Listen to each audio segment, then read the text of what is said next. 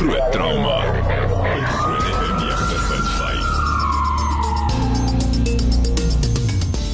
Dis 8 minute oor 8 op hierdie Woensdag aand. Baie welkom by Groot Trauma op Groot FM 90.5 saam met Dr. Jaco van die Kerk van Met24 direkteur daarso en ook mede aanbieder hierso op Groot Trauma en het ook natuurlik sy eie praktyk daarso in Montana en ook Esmeralda Burger en sy is 'n verpleegster. Ons 'n bietjie lekker vanaand gesels oor 'n interessante onderwerp wat jy eintlik vandag ook uh, iemand mee moes behandel. Ja, Pieter, ehm um, goeienaand, goeienaand almal wat luister ook.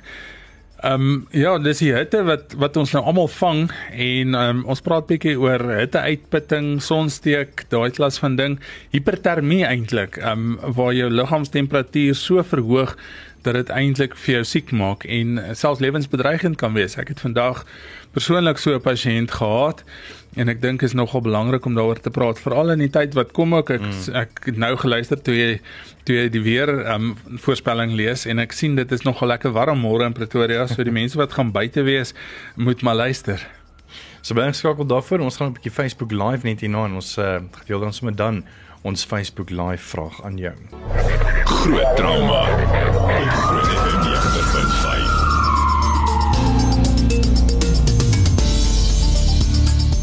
Welkom terug. Dis groot drama op die Woensdag aand en vanaand gesels ons 'n bietjie oor sonsteek. Is dit die regte woord, Jaco? Ja, ek dink mense kan mense kan eintlik sê hipertermie of hipertermiese besering wat eintlik net verhoogde temperatuur beteken, omsluit goeie soos hitteuitputting, sonsteek, daai hele daai hele spektrum van goed.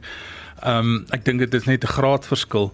Die groot ding is ehm um, hipertermie of verhoogde uh, temperatuur wat regtig klinies van belang is met ander woorde wat vir jou gaan siek maak um word verskillend gedefinieer deur verskillend afhangend van wat jy lees maar um die meeste medicine.net um definieer dit as 'n liggaamstemperatuur van 40 grade of meer. Nou dit klink baie hoog, ehm um, maar ek as jy buite in die son is en jy is besig en jy jy is besig om te sweet, jy's aktief en dan is dit nogal maklik om daar uit te kom. Mm. Ek bedoel mense liggaamstemperatuur normaalweg is maar 37 grade, so ja. 3 graadjies. Ja, dit is 'n groot groot verskil nie. Ja. En ehm um, dit kom nogal vinnig en die simptome kom nogal vinnig. Jy weet jy jy word nie baie keer eers half um, vooraf gewaarsku deur enige iets wat wat jou wat jou gaan waarsku dit gaan nou gebeur nie en as hmm. dit hmm. gebeur dan kan jy so deur mekaar raak dat jy nie weet wat om jou aangaan nie en jy bly net in daai situasie en dit is lewensbedreigend eintlik. Ja, kom kom ons kyk bietjie na die verskillende simptome want daar's 'n paar waarna jy kan kyk en ons kan regtig diep medies in ingaan. Maar as ek net 'n paar kan noem, goed soos lae bloeddruk en en Jaco kan vir ons verduidelik mm. hoekom. Jy kan lae bloeddruk kry, jy kan um onreëlmatige hartklopings kry, jy kan selfs uh, bewussyn verlies kry, jy kan deurmekaar raak. Jy word so gedihidreer dat jy regtig nie weet wat om jou aangaan nie. Mm. Jy kry goed soos um heat rash, um verval uitslag as gevolg van hitte, dan kan jy sonbrand kry, um sonsteek kry. So daar's regtig 'n verskeidenheid van dinge wat wat kan verkeerd gaan as jy um aan uitermate temperature blootgestel word vir te lank? Hier is 'n baie interessante vraag vir jou Jaco en ek is seker of jy kan antwoord nie, maar ek is seker jy gaan kan. Goed so. Um, kry mens makliker sonsteek of dan 'n uitputting in 'n plek, byvoorbeeld ons wat nou baie hoër is bo see speel hierso in um, in Gauteng en Pretoria area as iemand wat byvoorbeeld miskien ook in Durban of by die suidkus waar dit baie meer uh, humiditeit is. Ehm um, Pieter is eintlik 'n moeilike vraag want dit hang af hoe lank bly jy in hierdie area. Ehm um, mense is geneig om by die area aan te pas fisiologies waar hulle bly. Dis dieselfde beginsel as iemand wat ehm um, by die kus jy weet maratonne oefen. Hulle rooi sel konsentrasie gaan anders lyk like, mm. as die ou wat hier bo oefen en dis hoekom ons baie keer die atlete sien wat wat in hoër see of op hoër see speel kom kom oefen en dan en dan gaan hulle kus toe um, om dan nou na die kompetisie deel te neem en dan doen hulle baie goed. So dit hang af hoe lank jy in daai area bly, maar as ons byvoorbeeld ek en jy na die kus toe gaan en dis daai daai bedompige hitte en ons is heeldag buite gaan ons net so vinnig dehidreer as wat ons as wat ons hier bo dehidreer. Die groot ding van dehydrasie en en en ek dink mense moet dit sommer van die begin af sê is dehydrasie is nie net vogverlies nie. Dehydrasie, die oomblik wat jy begin sweet, verloor jy vog ja en die, die rede daarvoor is om jouself te probeer afkoel want dit jy weet jy's nat, so jy probeer om dan nou van jou hitte te ontslae te raak. Maar die probleem is jou sweet is souterig. So jy verloor natrium, jy verloor kalium, jy verloor kalsium, magnesium, fosfaat, jy verloor al jou soutte en dis die gevaarlike ding want jou spiere, jou hart, jou brein het al daai soutte nodig en dit is wat dehydrasie gevaarlik maak en dis wat jou de mekaar gaan maak as jy as jy erge hitte uitputting het is eintlik die dehydrasie dink ek wat 'n groot groot probleem is. En net toevallig vandag so 'n geval gehad wat eintlik maar half baie ekstreem is, maar dit wys net van hoe gevaarlik ehm um, hitteuitputting of sonsteek dan wat ook wat ook al jy dit wil noem kan wees. Ek meen miskien kan jy vir ons net vir nou vertel wat gebeur het. Ja, ehm um, ek het 'n pasiënt vandag in die trauma eenheid gesien wat wat geoefen het en buite buite was en ewe skielik net de mekaar begin raak het en aggressief begin optree het en niemand het geweet wat gaan aan nie. Jy weet die oomblik wat iemand so uit die bloute uit aggressief raak, dan dink mense altyd hulle het middels gebruik of een of ander iets snaaks gedoen en nou is hulle nou is hulle daar ehm um, wat gebeur het met die betrokke persoon is hulle dan nou onder hierdie hitte ehm um, toestande geoefen. Hy het nie genoeg vog ingeneem met elektrolyte in nie en hy het eintlik basies gedehidreer. Die probleem toe nou is sy elektrolyte het laag gegaan, sy harttempo het ehm um, op opgetel. So toe hy ingekom het, was sy polstempo so 100 amper 160 per minuut. Ja. Ehm um, so hy kry hartdisritmes, sy hartspier kry skade, maar ook sy sy sy skeletspiere. En die probleem is die oomblik wat jou skeletspiere skade kry, dan breek die selmembraantjies om daai daai spiersel op. En binne in hierdie spiersel is 'n of 'n is myoglobien wat eintlik 'n proteïen is. Nou die, die myoglobien binne in die spiersel wat dan nou opgebreek is, is te groot vir die niere om te filtreer En wat dan gebeur is dit eintlik blok die filtrasiesisteem van die nier en jy kry nierversaking. Sure. Die oomblik wat jy nierversaking kry, vererger jy eintlik jou elektrolytwanbalans. Die oomblik wat dit gebeur, kry eintlik multiorgaanversaking aan die einde van die dag. So dis 'n lewensbedreigende ding en is 'n ding wat as jy dit nie vinnig behandel nie, um vir jou baie vinnig baie diep in die moeilikheid kan laat beland. Ons gaan 'n bietjie later gesels oor behandeling en die meer. So eintlik kan hierdie goed so baie vinnig gebeur, weet. Baie.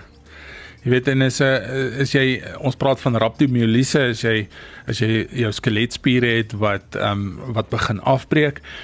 Ehm um, en een van die een van die baie slegte dinge om te sien in 'n trauma eenheid is as jy 'n kateter in iemand sit en dit lyk soos coke, sy urine lyk sure. lyk letterlik soos coke. Ehm um, dan moet jy weet jy's nou diep in die moeilikheid. Sure. En, en wat se behandeling sal daar wees in 'n trauma eenheid aspek? Ek praat nie van sommer by die huis gou vinnig jouself regkry en so nie. Ja, ek dink sy op daai stadium kom die eerste ding is om ondersteunend op te tree. So jy gaan die ou probeer afkoel um van binne en van buite so jy gaan van binne af gaan jy basies um kan jy koue vog gee. Jy sit 'n druppie op met met koue vog wat elektrolyte in het, die natrium, kalium, kalsium, magnesium, fosfaat, daai klas van ding. Um jy kan ook maaglavage doen. Met ander woorde, jy kan 'n buis sit deur sy neus, deur sy sluk tot in sy maag en met koue vog uitspoel. Dan maak jy hom van binne af koel.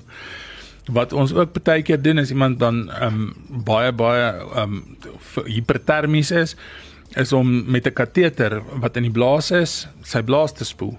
So mense kan van binne af hom afkoel en dan van buite af uit die aard van die saak wil mense hom ook afkoel. Jy wil hom nie net van buite af koel nie, want jy daai kerntemperatuur, daai daai daai diep temperatuur wat ook verhoog is, wil jy eintlik wil jy eintlik omkeer. Boonbehalwe dit, moet 'n mens probeer om sy niere aan die gang te hou. Ehm um, nou ons het formules waar ons, ons werk in terme van hoeveel vog jy moet gee. Jy moet gaan meet hoeveel vog jy gee teenoor hoeveel urine jy produseer en op grond daarvan moet jy dit aanpas. Jy kan ook ehm um, bietjie uh diuretikums gee om sy niere met aan die gang te kry en om ontslae te raak van daai afvalprodukte, maar die groot groot ding is om sy elektrolyte ook te herstel. Jy weet as iemand se natrium of kalium val ehm um, of in terme van van van vlakke dan kan hy 'n um, hartarrest kry. Met ander woorde, sy hart kan gaan staan want jou hartspier het ook maar daai elektrolyte nodig om te kan saamtrek en te ontspan. So die groot ding is afkoel, elektrolyte herstel en om sy om sy um eindorgane of sy belangrike vitale organe te beskerm. So ook die brein. As jy iemand te vinnig rehydreer, dan gaan jy ook breinswelling kry. So jy kan eintlik daar ook 'n probleem kry um in terme daarvan. So dis eintlik 'n baie moeilike proses en is 'n baie weegskaal ding Fyn in terme balans. van 'n fyn balans. Um jy moet heeltyd gaan kyk wat verander oor tyd in die fisiologie van daai persoon en jy moet heeltyd probeer om by te bly en dis wat baie keer baie baie moeilik is. Kan 'n mens te veel elektrolyte inneem? Jy kan. Ehm um, as jy as jy byvoorbeeld te veel kalium inneem, gaan jy ook EKG veranderinge kry. Ehm um, jy gaan ook hartdisritmie kan kry. Ehm um, en jy gaan ook abnormale ritmes kan kry wat ook na res kan lei. So te te min is nie is nie goed nie en te veel is ook nie goed nie. Ehm um, natrium is is is 'n ander een ehm um, wat belangrik is vir spierfunksie en vir spiersamentrekking en ontspanning. As jy te vinnig vir iemand natrium gee, kry jy 'n toestand wat ons sentrale pontine demyelinolise noem. Dit is 'n spesiefieke woord.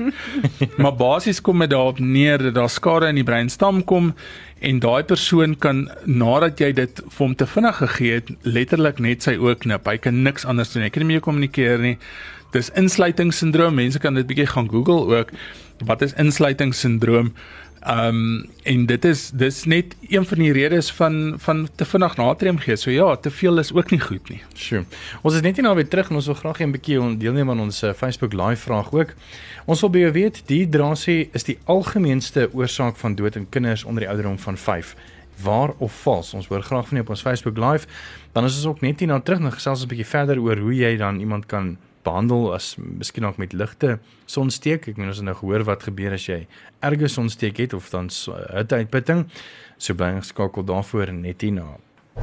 Groot trauma. Op Groot FM 90.5. Welkom terug. Ons praat so 'n bietjie oor sonsteek of hitteuitputting wat ek al net dit wil noem. En ons Facebook live vraag is as jy graag wil uh, saam luister op Facebook live. Ek sien ons ook heelwat uh, wat al reeds saam luister. Ek sien Henry Meiburg, my ons kollega is ook saam uh, wat saam kyk. Uh Barry Bekes, Johan Reynodee, uh Lawrence Lee Thought, Lenet van der Merwe. Uh dankie dat julle saam luister of saam luister en kyk natuurlik op ons uh, Facebook live. Ons vraag op Facebook live is waar of vals. Dehydrasie is die algemeenste oorsaak van dood in kinders onder die ouderdom van 5. Is dit waar of is dit vals? Ons hoor graag van jou. Jacob Berry Beek is nog 'n baie interessante vraag, né? Nee? Hmm. Barry het gesê, "Shoot is scary. Wat gemaak as mense op so iemand afkom? Wat kan ek as medemens doen wat nie want nie almal het daai goed nie." Mm. Ehm um, en dis dis baie waar. Die groot ding is ek dink nommer 1 haal daai persoon uit die omgewing uit waarna hy is want dit is nie 'n veilige omgewing waarna hy op daai stadium homself bevind nie. Ehm um, probeer met hom praat die heeltyd. Hou hom kalm. Veral as jy die persoon ken, help dit nogal. Ehm um, hulle voel deur mekaar, hulle voel, jy weet, amper aggressief, maar dis nie omdat dit hulle persoonlikheid is nie. Dis letterlik hulle hulle weet nie eintlik mooi wat aangaan om hulle nie. So probeer hulle kalm hou. Die ander ding is ehm um, probeer hulle in die koel te kry, probeer dan een of ander nat ehm um, jy weet of dit 'n baadjie of dit 'n kledingstuk of dit 'n lap of 'n laken of 'n ding is bo oor die persoon sit sodat jy hom so lank van buite af kan afkoel. Probeer om vir hom vog in te neem of te laat inneem. Ehm um, maar net bietjies bietjies want hulle is ook geneig om te braak. En as hulle so de mekaar is en baie keer is hulle bewussyns onder druk ook ehm um, dan kan hulle braak en dan kan hulle aspireer wat beteken eintlik maar net dat die maaginhoud in die longe beland wat dan eintlik 'n groot krisis is en nog net in ekstra noodgeval dan veroorsaak man bietjies bietjies vog wat koud is probeer hom so lank afkoel ehm um, van buite af. Wat van suikerwater? Suikerwater Ek dink die water is belangriker as die suiker want suiker is nie regtig elektrolyte nie en dis die, dis die, dis die soutte wat jy nodig het en nie die suiker nie. So 'n bietjie So- soutwater? Bietjie soutwater, maar, Maar dit gaan hulle naar maak, Ja. nee, dit gaan hulle weer naar maak. Dis presies hoekom daai oplossing en jy kan vir enigiemand vra wat in 'n minderbevoorregte gemeenskap woon. Mm. Hulle ken hierdie resep uit hulle koppe uit uh, wat eintlik fantasties is. Ons kan regtig by hulle leer. Um en dit is waar die suiker soutwater ding vandaan kom. Mm. So die belangrikste is dokter van die kerk sê is is die sout wat jy moet inkry mm. want dis jou soutte wat jy verloor deur jou sweet. So om sout jy gaan nie net sout eet nie. Mm -mm. So dis sout en water gemeng met bietjie suiker en ek dink dis maar meestal om die smaak bietjie beter te maak anders gaan jy naar word want Ja. dit is bitter sleg.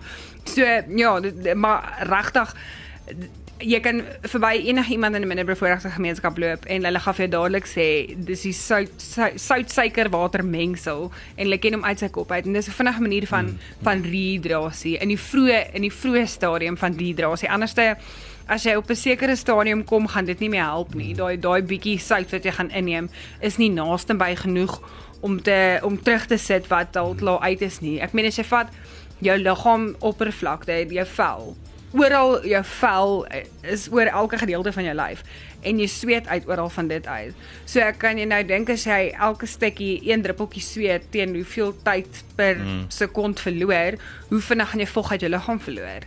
Mm. So en saam met daai vog gaan die sout en dis wat belangrik is, jy verloor daai sout en dis nou wanneer jy al hierdie ander dinge kry met jou spiere en met die wanbalans in jou soutte. Ja. Nog 'n vraag is Jaco, die jare, jy weet daai jare terug toe ek nog gegym het, nê. Ehm um, hoekom voel mense is dit ook maar teken van dehydrasie as mense sê maar nou weet vir die, vir iemand wat miskien nog nou nie baie geoefen het of gegym het nie, maar jy gaan nou gym toe en jy oefen en ewe skielik dan voel jy half amper so 'n bietjie narerig van al die oefen. Dis presies, Eh, dis presies dit. Ehm um, mens voel naar want dis een van die vroeë tekens van dehydrasie. Jy sal sien ook die mense kla van hulle het hoofpyn nadat hulle um, geoefen het. Baie keer na Desember vakansie is die kinders dan weer in die in die by die skole uitkom en die atletiek begin in die vroeë hier vroeg in Januarie en niemand is fiks nie, dan uh, het almal hoofpyn na die atletiek byeenkomste en dis deels dehydrasie, deels sonsteek hulle voel lighoofdig. Ehm um, die jong meisies wat dan uitpaas by die skool en dan met volle vaart hospitaal toe gebring word eintlik net met dehydrasie. Ehm um, dan die ander ding is wat wat 'n mens kry is uh, hulle jy weet hulle spierpynne. Ehm um, omdat jou jou spiere die elektrolyte nodig het en dis nie net melksure wat vir jou spier spierpyn gee nie. 'n Tekort aan aan elektrolyte in die regte elektrolyte gaan ook vir jou spierpynne gee. Dan is daar nog 'n vraag van een van die luisteraars af ehm um, wat wil weet, uh, kan sonsteek of sonbrand velkanker veroorsaak of daartoe aanleiding gee? En die antwoord. Tian is 'n definitiewe ja. Ehm um, en dit is Sure. ook so dat jy net een keer behoorlike sonbrand nodig het om velkanker te veroorsaak later in jou lewe. Ou maar Ja. hoor, regtig. So as jy sonbrand het en jy het behoorlike sonbrand, dan verander jy die die die selsamestelling of jy kan jou selle so beskadig dat die nuwe selletjies wat vorm nie so normaal is soos wat die selle is wat dit was nie. En twee abnormale selle word vier abnormale selle, vier word 8, 8 word 16 en so kan 'n velkanker gebore word. Sure. Die algemeenste oorsaak van van velkanker in ons land is sonbrand en sonsteek. Ehm um, baie keer kry jy jy, jy sien baie keer die boere wat wat lank buite ge, gewerk het, veral die kant wat die bakkie uit die bakkie se ruitheid is. Daai arms begin sulke harde veloppervlaktes kry wat voel amper so skuurpapier bo. Wat solare keratose is en solar verwys na son keratose is maar die die manier hoe dit voel en en watter laag van die vel betrek word. Maar solare keratose is dan die voorloper en daaruit kom al jou lelike goed, jou basaalselkankers, jou jou plaveisselselkarsinome van die vel en dan selfs dan nou die melanome wat wat niemand van ons meer hopelik ehm um, binnekort meer gaan sien nie. Sure. So wat eintlik vir my sê is weet mense kan miskien ook nou weet ek wat nou hou van die Bosveld. Uh ek kan miskien ook net een jag te veel in die son wees en dan is dit klaar vir my. Mm. Dis presies dit. En en Sure. hoe meer jy jouself blootstel ook aan aan die son, so direk in die son, hoe obviously Jaco het eendag in 'n program verduidelik van as iemand jou liggies slaan, my slaan jy die hele tyd op dieselfde plek, dan gaan dit ook ook gekneus word op 'n stadium. En dis presies so met jou vel in die son ook. So al word jy net bietjies bietjies blootgestel, as jy elke dag bietjies bietjies blootgestel word, gaan jy op die einde nog steeds sit met met 'n probleem. So dit is baie belangrik om om klere aan te trek wat jou beskerm, maar maar ligte koel klere natuurlik, maar probeer of in 'n hoed en sonbrandroom is baie baie belangrik veral in Suid-Afrika. Ja, en en jy moet nie bang wees om geld te spandeer op sonbrandrome nie. Jy weet, ehm um, mense sê net goed is vrek duur veral as jy by 40 en 50 faktor plus kom. Ehm um, maar daar's 'n rede voor en dit is sodat as jy sonbrand het, gaan jy nie jy gaan nie dadelik 'n velkanker kry nie. Jy gaan nou nie vandag sonbrand kry en volgende jaar het jy velkanker noodwendig nie. Dit kan 10, 20, 30 jaar van van nou af gebeur. Jy weet ek sit in die praktyk baie keer en dan sê die tannie vir my ja, sy was 30 jaar laas in die son. Maar dis presies daai 30 jaar terug hmm. wat ehm um, da, hulle daarvan gehou het om uh, om brein te brand. Die die, die vrouens sê mos altyd ehm um, ek weet nie of ek dit vir die lig moet sê nie, maar breinvet is mooier as wit vet, Maar dis nee. waar. So ehm um, dit mag dalk so wees dat breinvet mooier is as wit vet, maar ehm um, wit vel sonder kanker is beter as 'n breinvel met kanker. Ek Ja. dink dit is die dit is die belangrike En ding. on- en onthou ek net nou dat ons gepraat van 'n donker vel en 'n breinvel en so aan. As mens gaan sonbed, dit is presies dieselfde ding wat jy doen. Sure. Dis Dit is presies. presies dieselfde. So of jy nou buite gaan lê langs die swembad in die bloedige son sonder enige sonskerm en of jy nou in 'n sonbed gaan klim en net ietsie oor jou oë sit en nog steeds gaan vir hele paar sessies, dis dieselfde ding. Die blootstelling wat jy gee aan jou selle op jou vel is presies dieselfde. Definitief. Maar wat kan mense sê vir ouers en selfs vir jong meisies, veral en ek praat maar van hoërskool, ons weet mos nou hoe Mm. hoërskoolmeisies, jy weet, um, as hulle van die skool af kom, dan is hulle sommer in die somer gou 'n bietjie buite net 'n bietjie brein want hulle moet nou 'n bietjie mooi en brein lyk vir die ouetjies, jy weet. Ja. En dit is gevaarlik, ek bedoel om so jong ouderdom, jy weet. Um, Selfdane lotion, daar's 'n rede hoekom dit gemaak is. maar maar jy raak nie brein as jy suntan lotion opsit. Nee, maar selfdane lotion. O, Jy self- kry rome met pigment in wat jou vel dan verkleur. Doen eerder dit. Dit dit dit beskadig nie 'n vel nie en dit dis bruin en dit glans. Gebruik selfdane lotion. Dis dis baie veiliger as om te gaan sonbed. Of vir Anja se stramp, jy weet. Dan sit Ja, dan moet jy opsit. Ek wil net sê. Dan dan ons uh, Facebook live vraag is uh, waar of vals ons kan seker nou maar uh, antwoord. Of weet jy wat ons gaan net hierna terugkom. Dan gaan ons dit antwoord. Uh, ons wil by jou weet dehydrasie, is dit waar of vals? Dehydrasie is die algemeenste oorsaak van dood in kinders onder die ouderdom van 5. Is dit waar of vals? Nou weet 'n bietjie daar vir ons op ons Facebook live en uh, dan kan ons net hierna weer verder onthou kyk en enige vrae vra op ons WhatsApp lyn 061 610 4576 en onthou standaard tot dit terwyl geld. Ons is net hierna weer terug. Groot trauma. Groot 90.5.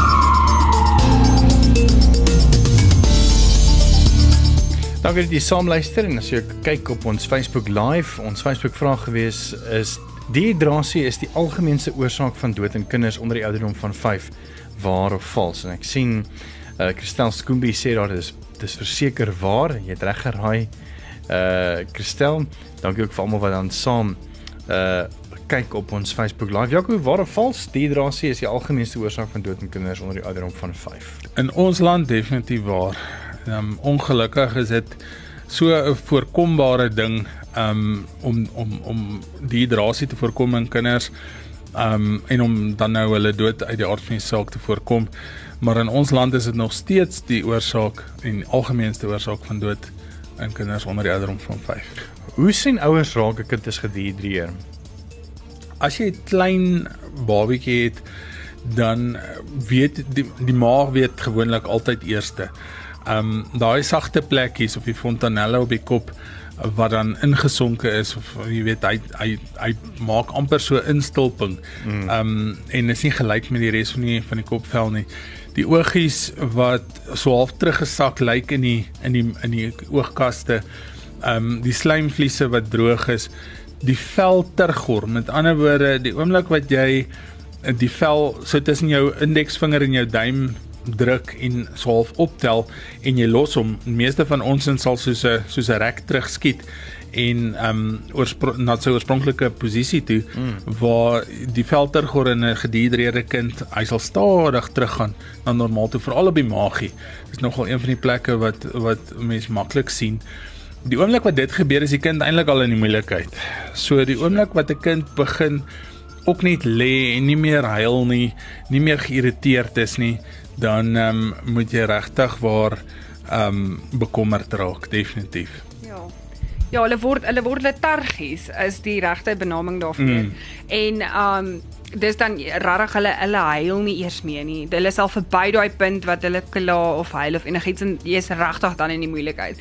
Maar mammas kyk ook gewoonlik en hulle weet hulle sal dadelik vir sê as hulle inkom in 'n ongevalle eenheid in Gis my baba het gewoonlik 6 of 12 of 18 pipi doeke 'n dag. Hy het vandag net 2 gehad. Dis fout, dis groot fout. Dan weet hulle uh, hulle tel dit vinnig op. Maar dis klomp sulke klein goedjies waarna mense kan kyk. Hmm. So, um ja, mense sien dit mense sien dit baie vinnig op 'n baba. Hmm. Sien Lali kort sit ook reg geraai. Dankie Lali. Sy sê dis waar. dis inderdaad waar. Nou van dehydrasie en sonsteek na iets heeltemal anders toe. Um, ons is nou al reeds in November. En November is natuurlik uh staan bekend vir Movember wat vir uh, wat s'y groot woord Jaco begin met 'n T. Uh, dis dis testikale kanker. Ek kan dit nooit reg sê. My, my tongknoop verseker elke keer testikulêre kanker. Ja. En en prostaatkanker ook. Ja, ja. net so, prostaatkanker ook. Eintlik maar die manlike Man kankers. kanker, ja. Definitief. So November is is natuurlik Movember en as jy uh, besluit om dalk miskien ook jou snor of jou baard te groei vir November vir, be vir bewusmaking van manlike kankers dan uh, doen jy goed. So jy kan vir ons altyd op hoogte hou man stuur 'n bietjie vir ons 'n WhatsApp met 'n foto van hoe dit gaan. Ons uh, wil graag van jou hoor en ons so 'n bietjie aan die einde van die maand ook 'n bietjie meer uh, praat oor oor hierdie.